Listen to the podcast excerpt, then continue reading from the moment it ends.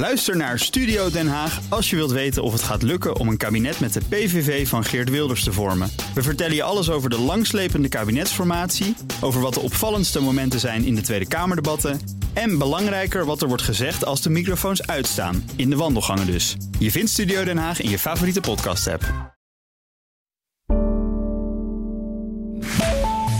Het FD meldt vandaag dat belbedrijf Structon, de Saoedische prins, tientallen miljoenen euro's heeft betaald om een eh, klus te krijgen.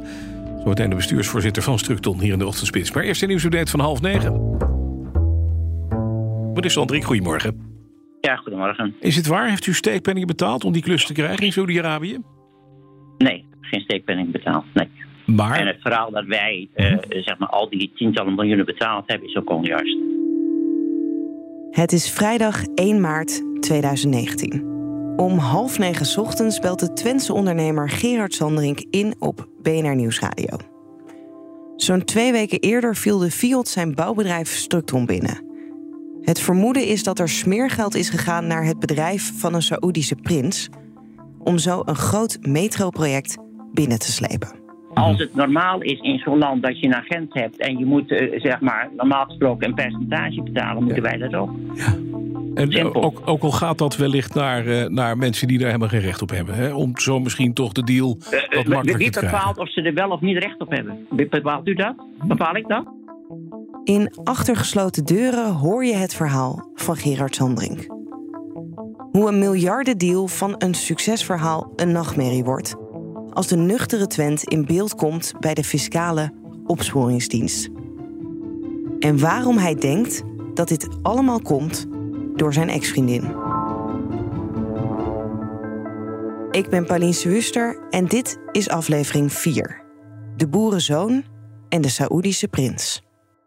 Bijna treurig om te moeten zeggen, maar het past gewoon in het beeld van uh, de almaar verder afgeleidende ondernemer uit Twente, die ooit ja, gezien werd als een icoon, als een self-made man die iets prachtigs had bereikt en die steeds verder afgeleid nu in een wereld waarin hij gelooft in allerlei complotten, waarin hij steeds een slachtoffer is, maar waar hij eigenlijk met zijn handelen steeds meer schade lijkt aan te richten aan de belangrijkste bedrijven van zijn imperium.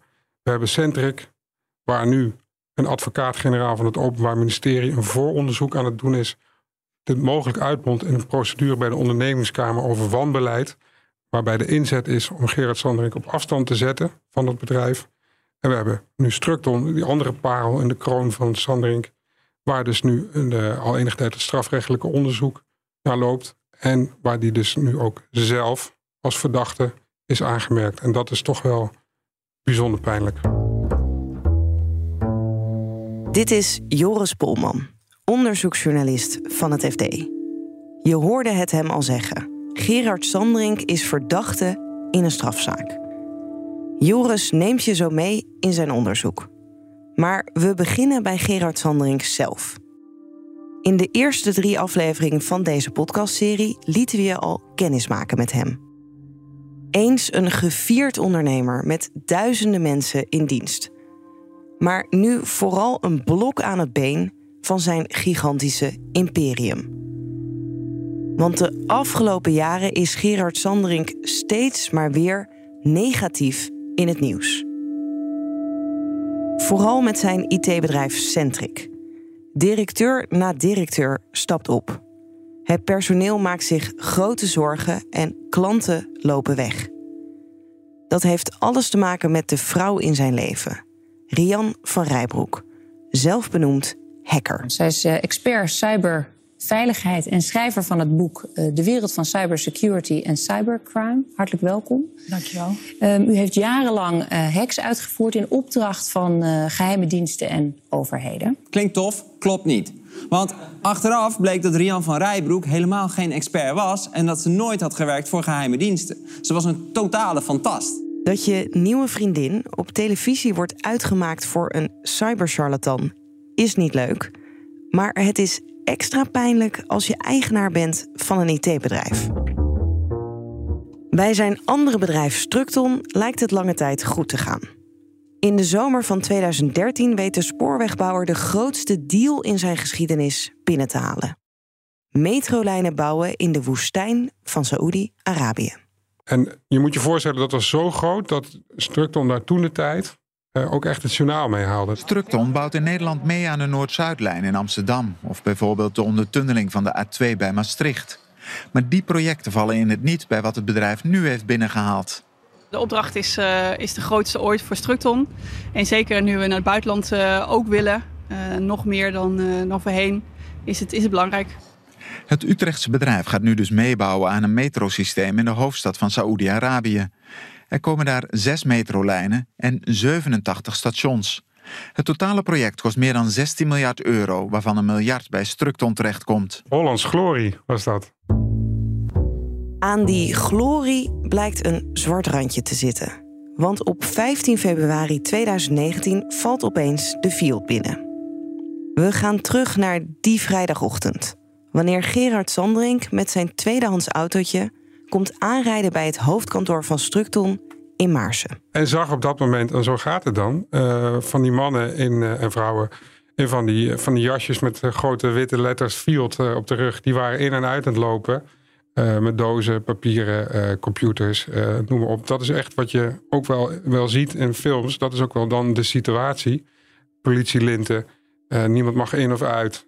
En dan gaan ze dus aan de slag. Ze gaan, eh, ze gaan op zoek naar papierwerk, maar zeker tegenwoordig ook natuurlijk naar computerservers waar mogelijk informatie op staat die van belang kan zijn voor het onderzoek. Dat gebeurt dan bij Structon op hetzelfde moment. Dat, is dan, dat noemen ze dan in jargon de actiedag. Eh, overal tegelijk zijn ze dan binnen. Dus ook bijvoorbeeld bij Gerard Sandering thuis. Die, nou, ik me heb laten vertellen, dus toen al bij Structon op de parkeerplaats stond. Dus die heeft dat in eerste instantie van hem, bij hem thuis niet eens uh, meegekregen. Hij, hij, is woest over die inval. Joris volgt dit dossier samen met collega Stijn van Gils. Stijn schrijft voor het FD over de ICT-sector. En eind 2019 had hij een interview met Gerard Sandring. En sprak hem toen ook over de Field-inval. Volgens mij ben ik er überhaupt zelf nooit over begonnen. Is het altijd zo dat hij erover begon? Zo, zo gefrustreerd is hij erover. Hij, hij vindt het heel erg dat hij zoveel voor Nederland doet. Uh, en hij heeft allerlei bedrijven die, die ook veel voor de overheid werken. En, en daar zet hij zich elke dag voor in. En dat juist hij ja, dan hiervan het slachtoffer moet worden, dat, dat, dat vindt hij verschrikkelijk. Wat ziet hij als de reden dat de field is ingevallen? Hij heeft heel lang beweerd, uh, en ik vermoed eigenlijk dat hij dat nu nog steeds denkt, uh, dat zijn ex achter die inval zit. Hoe zit dat dan? Het is zo dat uh, uh, Gerard Sanderink een relatie heeft met Rian van Rijbroek. En Rian van Rijbroek is zelf verklaard hacker en ja, naar eigen zeggen ook geheim agent geweest. Volgens die Rian van Rijbroek ja, kwam Brigitte van Echten, dus de ex van Sanderink, in allerlei dossiers van de AIVD voor. En uh, ja, Brigitte van Echten is daar op een gegeven moment verhaal over gaan halen bij de AVD. En die heeft toen gebeld. En uh, nu denkt Gerard Sanderink dat uh, Van Echten naar de AVD gebeld heeft om een tip te geven over Structon. En dat vervolgens de, de, de field bij Structon op de stoep stond. Ja, het is niet, niet per se een verklaring waarvan ik denk van nou, dat klinkt logisch. Maar dat, dat is wat hij denkt. Voor deze bewering van Sandrink dat zijn ex de field-inval zou hebben veroorzaakt, is geen bewijs. Sterker nog, hij mag dit van de rechter ook niet meer beweren. Wat iedereen wilde weten toen de field binnenviel was: wat zoeken ze bij het bouwbedrijf? Wat is daar aan de hand? De reden voor de inval werd al vrij snel duidelijk. Nou, wij hoorden wel dat het te maken had met uh, een corruptieschandaal. en ja, wat wij dan doen, uh, is natuurlijk in ons netwerk gaan rondbellen. En dan probeer je zo werkende weg probeer je een beeld te krijgen van wat is hier mogelijk, uh, mogelijk aan de hand. En toen ja, was al vrij snel duidelijk dat het hier ging om, om het omkopen van een prins bij, in verband met dat, met dat metroproject. 1 maart 2019 openden wij de krant met het bericht: Structon betaalde tientallen miljoenen aan Saoedische prins. Reden voor de collega's van BNR Nieuwsradio om Gerard Sandring te laten ondervragen door Bas van Werven. Maar er is wel een soort agentenovereenkomst gesloten, toch? Met een tussenpersoon die voor u Dat daar een aantal dingen een deed? agentenovereenkomst getekend, ja, dat Ja, klopt. precies. Eh, en u wist niet dat daar mogelijk geld van uit die agent naar de halfbroer van de Koningsorde overwaard? Die was eh, volgens mij een mede-aandeelhouder toen de tijd in Somo. De onderneming waarmee, waarmee wij het contract hebben afgesloten. Nou, dat bedrijf Somo, dat, eh, dat was in handen van een, eh, van een toen al eh, oudere prins, prins Michal bin Abdul Aziz Al Saud. Inmiddels is die man overleden hoor, maar eh, hij was eh, niet zomaar iemand. Hij was eh, niet alleen dus prins, maar hij is ook minister van Defensie geweest. Hij was in, eh, in Saoedi-Arabië een, echt een bekende vastgoed tycoon. Eh, echt een, iemand met eh, heel veel bezittingen in het land. En hij was ook een zoon van koning Abdul Aziz Al Saud. En dat is de grondlegger van het koninkrijk Saoedi-Arabië. Dus het is echt iemand uit het hart van de, de Saoedische hofhouding. Ja. En dus heel erg invloedrijk. En eigenlijk, zo horen wij van allerlei mensen die daar, die daar ervaring mee hebben, is het onmogelijk om daar zaken te doen zonder dat je die koninklijke familie daarin meekrijgt. En een manier natuurlijk om dat te doen is gewoon die koninklijke familie te betalen. Dat vinden ze daar helemaal niet gek. Maar dat vinden wij hier wel raar. Eh, want dat eh, riekt al naar omkoping. Ja, dat je eigenlijk steekpenningen betaalt om zo'n project te krijgen Je kunt, is dan de stelling, in dat soort landen niet werken zonder dat je dus bepaalde eh, mensen omkoopt of betaalt. Ja, het is maar net welk woord je eraan geeft. Eh, maar eh, wij vinden dat omkoping. Structon had dus in ieder geval de schijn tegen. Ze betaalde miljoenen aan het bedrijf Somo, waar als aandeelhouder die Saoedische prins achter zat. En dat voelt misschien ongemakkelijk, maar het inhuren van zo'n agent mag. En het is ook niet gelijk omkoping. Veel bedrijven werken met dit soort agenten en al helemaal in landen als Saoedi-Arabië. En wat ook goed is om te weten, is dat tot dan toe de aannemer vooral in Nederland werkte. En dus konden ze iemand ter plaatse goed gebruiken. Dat je eh, daar de juiste contacten hebt. Dat als jij machines nodig hebt, dat zij die, zij die voor je kunnen bestellen. Vergunningen, al dat soort dingen. Daar helpt zo'n agent je mee. Je kunt je voorstellen als jij met je bedrijf uit Maarsen, want daar hebben we het over Structon, ineens in de Arabische woestijn moet gaan werken. Dan moet je wel even, even omschakelen. Dus een agent heeft, heeft een, op het eerste oog in ieder geval een functie als iemand die jou helpt te plaatsen. Je kan legaal een agent inhuren. Maar de Fiat had zo zijn twijfels of het bij Structon allemaal volgens het boekje ging. En dus vielen ze binnen. De jaren daarna deden ze onderzoek en nu is Gerard Sandrink door het OM aangemerkt als verdachte. De verdenkingen zijn feitelijk leiding geven aan ambtelijke omkoping van die Saoedische prins en ook valsheid in geschriften. En om dat laatste te begrijpen, moet je weten dat bedrijven bij dit soort megaklussen een exportkredietverzekering afsluiten. Dat deed Structon ook toen ze het project binnenhaalden bij Atradius Dutch State Business. Daar kun je je dus als bedrijf verzekeren voor bijvoorbeeld wanbetaling. Stel je gaat zo'n opdracht aan en je begint te investeren, heel veel aanloopkosten en op een gegeven moment blijkt dat om wat voor reden dan ook zo'n partij jou niet betaalt, dan kun je je daartegen verzekeren. Dat doet de staat. Het idee is dan dat we daarmee de Nederlandse, het Nederlands bedrijfsleven steunen. We, we, we- we kunnen onszelf eh, laten zien in het buitenland aan de hand van mooie projecten. En dat is eigenlijk het idee erachter. En wat zit nou, waar zit nou die valsheid in geschriften in? Structon zou bij het afsluiten van die verzekering eh, verkeerde informatie hebben gegeven over wat ze nou aan die agent hebben betaald. Dat bedrag wat ze hebben opgegeven zou veel lager zijn dan dat ze in werkelijkheid hebben betaald. Joris wilde meer weten over deze verzekering om erachter te komen of het bouwbedrijf tegen de verzekeraar en dus ook de staat had gelogen. Hij diende een WOP-verzoek in. Alles wat betrekking had op het metroproject van Structon in Saoedi-Arabië. En dat heeft best wel een tijdje geduurd, maar uiteindelijk eh, hebben we dus deze zomer 200 pagina's eh, gekregen. Wel deels zwart gelakt, maar toch ook wel heel veel informatie eh, gewoon eh, gehandhaafd. En daar ontstaat toch een, een, een heel aardig beeld van wat er allemaal is gebeurd rondom deze verzekering. En wanneer in de tijd beginnen de eerste documenten uit deze stapel met papieren? De eerste is, is de daadwerkelijke aanvraag en acceptatie. Dan zit je nog in uh, 2012, 2013. Dan een hele tijd niks. En dan zien we ineens in 2017 een, uh, een memo opduiken. Die gaat over een controverse rondom een agent in Saoedi-Arabië. De trigger blijkt dan te zijn een artikel in onze eigen krant van onze redacteur Arend Klaassen, die veel schrijft over de aannemerij. Ik ben Arend Klaassen van het Financiële Dagblad en ik schrijf bij de krant over uh, bouw en infrastructuur. Ik zat uh, eerst te kijken, want Structon had uh, net als veel andere bouwbedrijven een moeilijke periode achter de rug. Uh, bouw had een crisis gehad en ze hadden al eerder, Sanderink had er eerder kapitaal bij moeten storten. Dus ik zat daarna te speuren en ehm, de financiers die wilden een raad van commissarissen, zelf bij Structon. Dus ze trokken de teugels aan en daar heb ik toen ook het artikel op gekopt. En er was een vrij korte financiering, een herfinanciering van één jaar. Dus we moesten snel nog een keer met de bank aan de slag. Ja, en wat stond er dan uiteindelijk in dat stuk over dat metroproject in Riyadh? In de accountantsverklaring onder het jaarverslag, er was een verklaring met beperking. En uh, de accountant die had een aantekening gemaakt dat ze uh, niet goed konden keuren, althans niet uh, onvoorwaardelijk goed konden keuren, omdat ehm, ze Structon in Riyadh een agent had ingehuurd.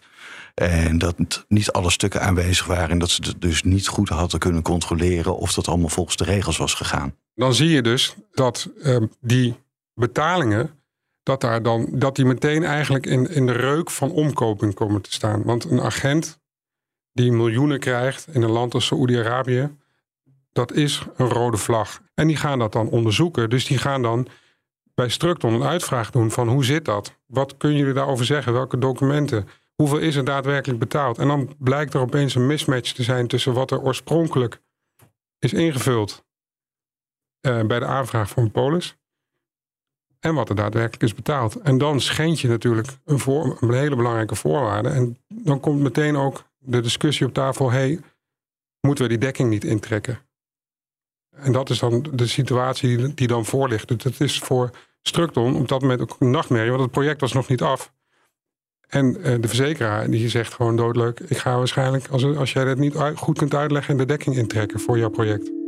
4 oktober 2017 stuurt Atradius een brief aan Structon. Uit de bekend geworden feiten en omstandigheden kan de staat niet anders concluderen dan dat de onjuiste opgave van de aan de agent te betalen vergoeding kennelijk bewust is gedaan. Atradius denkt we zijn misleid. Hier is, hier is iets in het begin gebeurd wat niet strookte met de werkelijkheid. Het lijkt erop dat Structon dat heeft willen verhullen. En uiteindelijk zie je dus ook dat uh, directeuren en Sandrink en zo, dat die allemaal op, op gesprek komen. En nou ja, dus, uh, daar, daar, vinden we ook gespreksverslagen terug van overleggen met Structon, met Sandrink en met anderen over de situatie. Uh, en daarbij zien we ook dat die emoties soms heel hoog kunnen oplopen. Heren, naar aanleiding van onze brief van 4 oktober jongstleden zijn en ik vandaag op bezoek geweest bij de heer op zijn uitnodiging. Op 5 oktober zijn wij al bij Structon geweest om toelichting te geven op de brief. Het was een bijzonder gesprek. Hij zegt, uh, schrijft op een gegeven moment dat Sandring schijnt te hebben geroepen van ja, wat doen jullie eigenlijk hier? En dan zeggen ze, ja, maar u heeft ons toch ook uitgenodigd om hierover te praten. Dus er is eigenlijk verwarring en consternatie alom. Ook heeft de heer een aantal keer gezegd dat er een juridische brief zal komen, hij naar de rechter zal gaan, hij de ministers Kamp en Dijsselbloem goed kent en dat hij wel voor zal zorgen dat er stukken in de media komen. Wij hebben vooral geluisterd. Het was een bijzonder gesprek. Dan op een gegeven moment zie je dat Structon wat gaat schuiven, toegeeft dat er na de prekwalificatie inderdaad nog aanmerkelijke betalingen zijn geweest.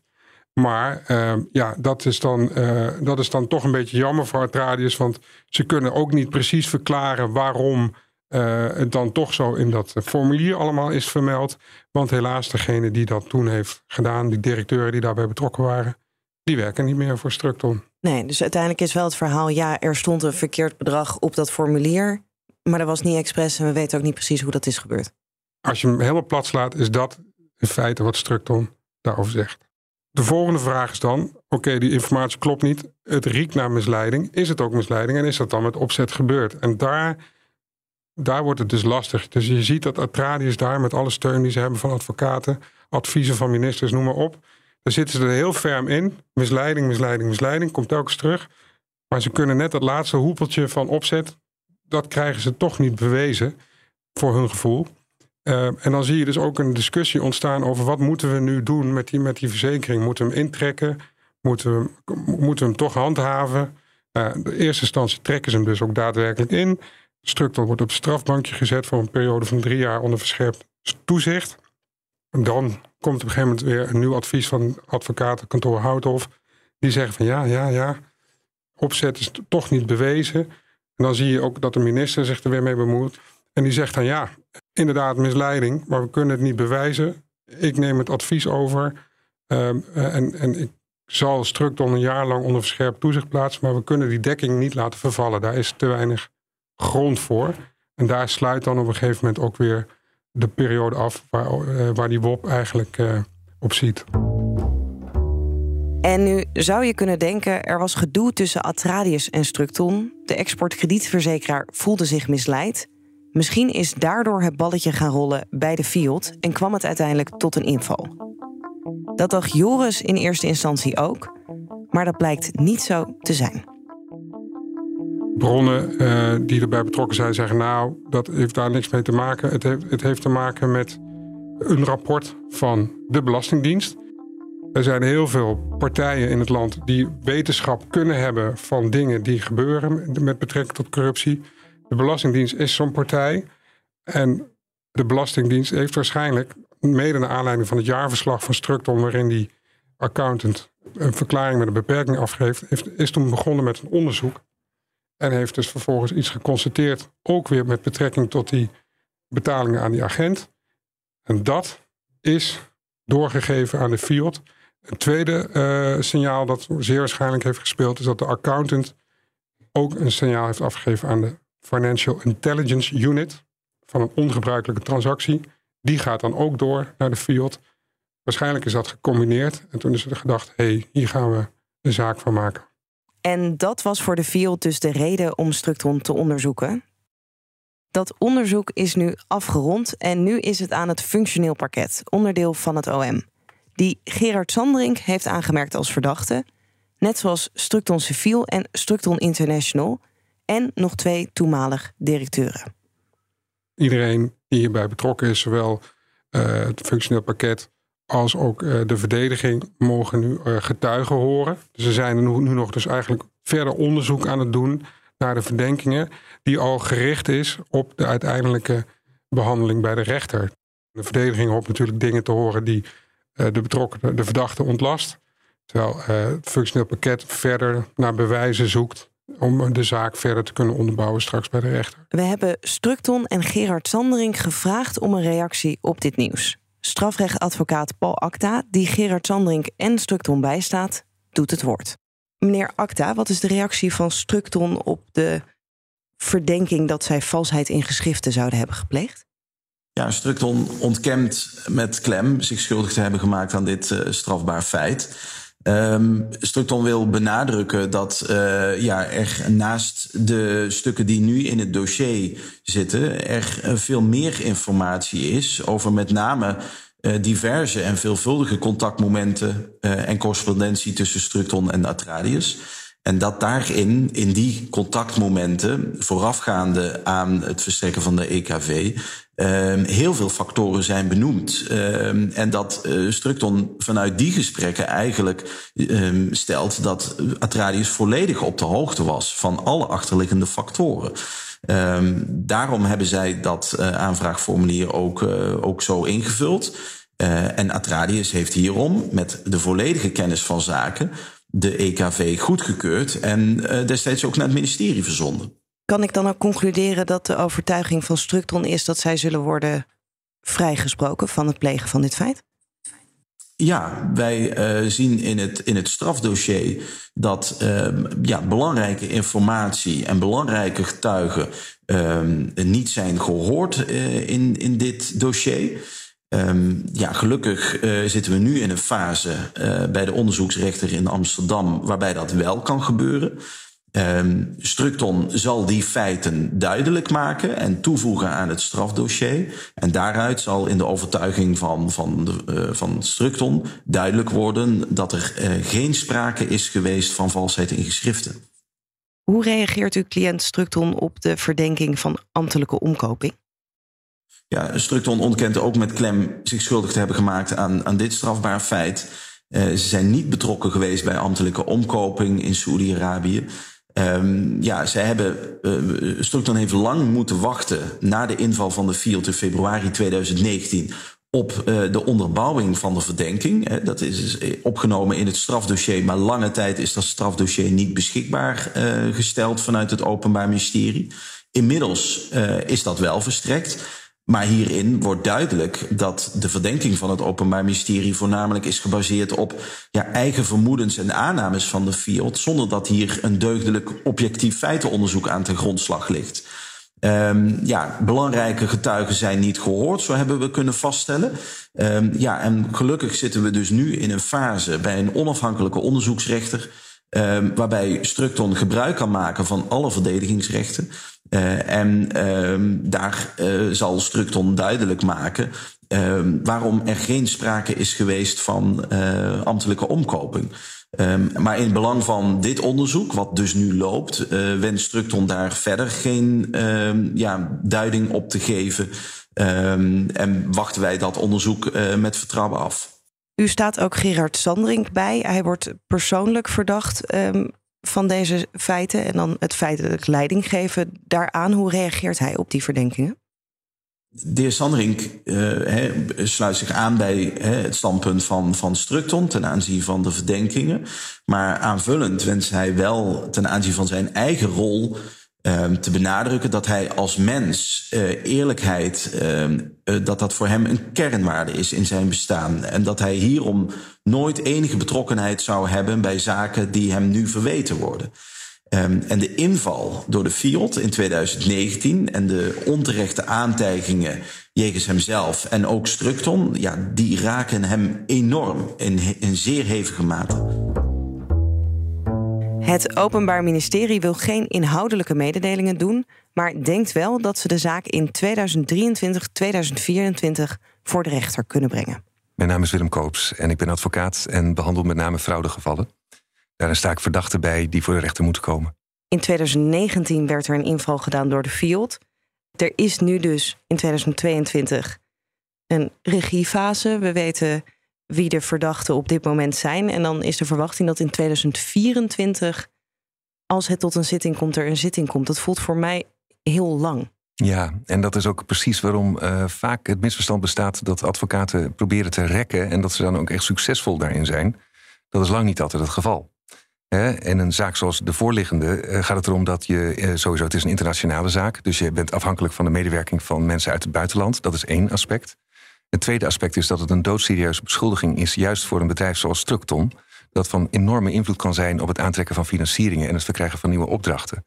Als je een vinkje achter je naam krijgt voor omkoping in het buitenland of het plegen van vast in geschrift, terwijl je financieringen aanvraagt, dat vinkje, daar kan je niet zomaar gaan vergeten. Dus Structon zal er ook alles aan doen, omdat als zij onschuldig zijn, die onschuld zoveel mogelijk naar voren te brengen. Ja, en dat kost gewoon, dat kost gewoon tijd. Een van de verdenkingen waar Structon zich tegen moet verdedigen is ambtelijke omkoping. En dat is een onderwerp waar advocaat Willem Koops uren over kan praten. Ik zal het je zeggen, het is een van mijn lievelingsbepalingen eigenlijk, omdat hij zo complex is. Je moet iemand een gif doen die iemand die moet een ambtenaar zijn, die moet die gift aanvaarden. En dat moet dan iets te maken hebben met het werk wat hij doet als ambtenaar.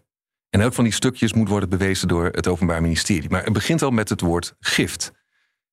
Het, het, het idioot is, als, als, ik, als ik jou 100 euro geef om iets voor mij te gaan doen. En, en, en je bent in dienst bij uh, uh, het Financiële Dagblad. En ik zeg van schrijf nou eens een aardig stukje over mij. Hier heb je 100 euro. Nou, dan weet ik zeker dat je 100 regels uh, schendt door dat stukje dan vervolgens te gaan schrijven. Maar dat voelt voor mij dan niet als een gift, hè? Want het voelt alsof ik jou betaal zodat jij iets voor mij doet. Dus waarom komt het woord gift überhaupt aan te pas? Nou, het heet een gift omdat jij gewoon je werk moet doen als journalist. Dat moet je gewoon sowieso doen. Dat is een beetje met jouw baas af en zeker niet met mij. Ja. Daarom heet het een gift, omdat je, omdat je je werk behoort te doen. Ja, dus in dit geval als je een agent eh, betaalt in Saoedi-Arabië en die doet het werk wat een agent wel legaal zou mogen doen, dan is het ook geen gift. Inderdaad, dan is het geen gift. En dan is het gewoon uh, het geld wat hij verdiend heeft in ruil voor de werkzaamheden die hij heeft verricht. Als iemand gewoon een, uh, werkt als een lobbyist en als lobbyist jou op een gemakkelijke manier overal kan introduceren, en dan is zijn, zijn tijd is dan bijzonder veel geld waard als je daar de vooraan in de rij komt. Het wordt een ander verhaal op het moment dat je uh, niet als lobbyist optreedt, maar simpelweg andere mensen omkoopt en dat dus eigenlijk doet namens Structon. Klinkt dan ook heel lastig om te bewijzen dat dat gebeurd is. Het begint er gewoon mee dat Structon zelf zal kunnen uitleggen wat staat nou tegenover die 25 miljoen. En dat kan je niet afdoen met een vodje papier van drie kantjes waarin staat van u zorgt dat wij winnen. Dat, is, dat kent een, mate van precisie uh, die nu natuurlijk voluit gaat worden getoetst door de rechter als het echt voor de rechter komt. En dat maakt zo'n zaak ook zo boeiend. Want kijk, een organisatie zoals Structon, maar ook een, een, een man zoals meneer Sandering die daar leiding aan geeft, lijkt mij niet de persoon om schouderophalen te zien hoe 25 miljoen wegvloeit zonder te vragen wat krijg ik ervoor terug.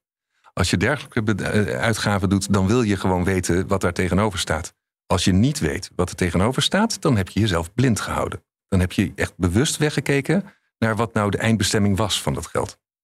De andere verdenking is valsheid in geschriften. En dat gaat dan over een exportkredietverzekering die ze hebben afgesloten. Is dat makkelijker te bewijzen? Nou, als jij begint over het woord exportkredietverzekering, dan noem ik het al niet makkelijk meer. Maar vals het in geschrift is wel een extreem eenvoudig uh, te bewijzen soort van delict. Als dat gepleegd is, dan er staat gewoon iets op papier wat niet klopt. Het is gewoon een leugen. Het is gewoon niet waar. En het komt vast te staan dat het niet waar was. Nou, dan moet je vervolgens alleen nog maar bewijzen dat de persoon die het op papier zette, wist dat het niet waar was. En als je die twee dingen hebt, dan ben je klaar. En in, zo'n, in de zaak van Structon hier, kijk, Structon ziet in Nederland, de geschriften waar je het over hebt, die worden hier in Nederland opgesteld. Dat maakt het vervolgen van, uh, uh, als er iets mis is met zo'n geschrift, aanzienlijk eenvoudiger. En dan gaan we naar Gerard Sandring zelf. De CEO en groot aandeelhouder van Structon is dus ook persoonlijk verdachte. Het OM verdenkt hem van feitelijk leiding geven aan ambtelijke omkoping.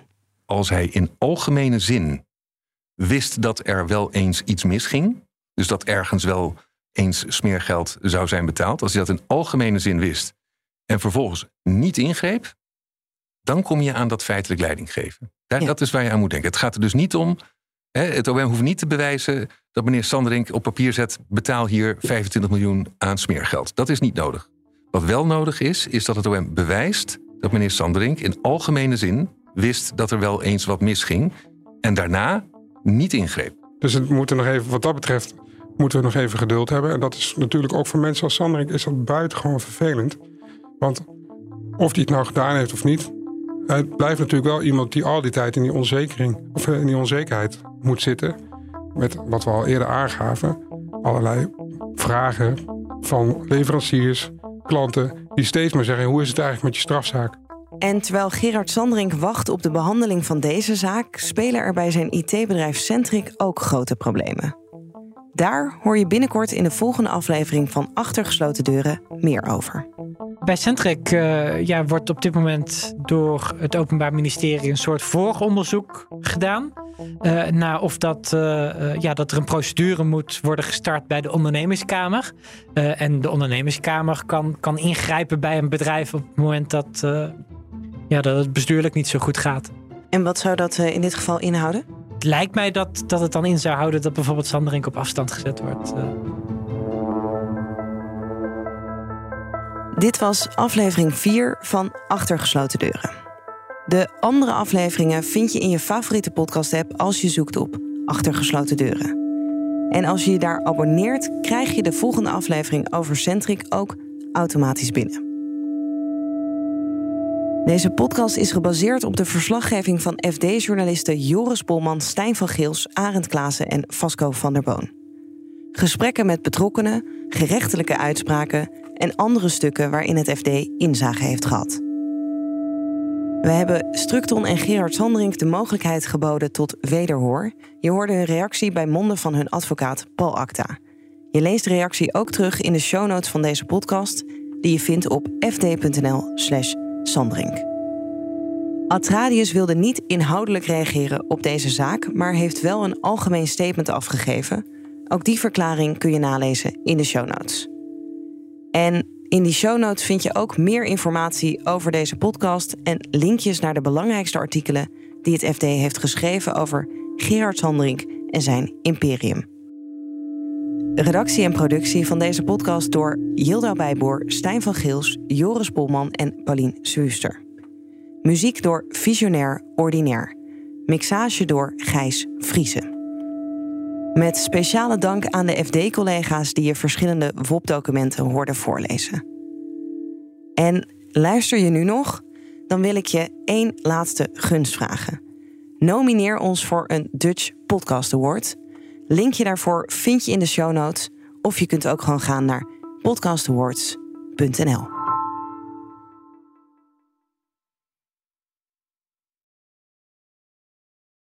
Ook Thomas van Zeil vind je in de BNR-app. Je kunt live naar mij luisteren in Zaken doen. De BNR-app met breaking news, het laatste zakelijke nieuws... en je vindt er alle BNR-podcasts, bijvoorbeeld Het Nieuwe Geld. Download nu de gratis BNR-app en blijf scherp.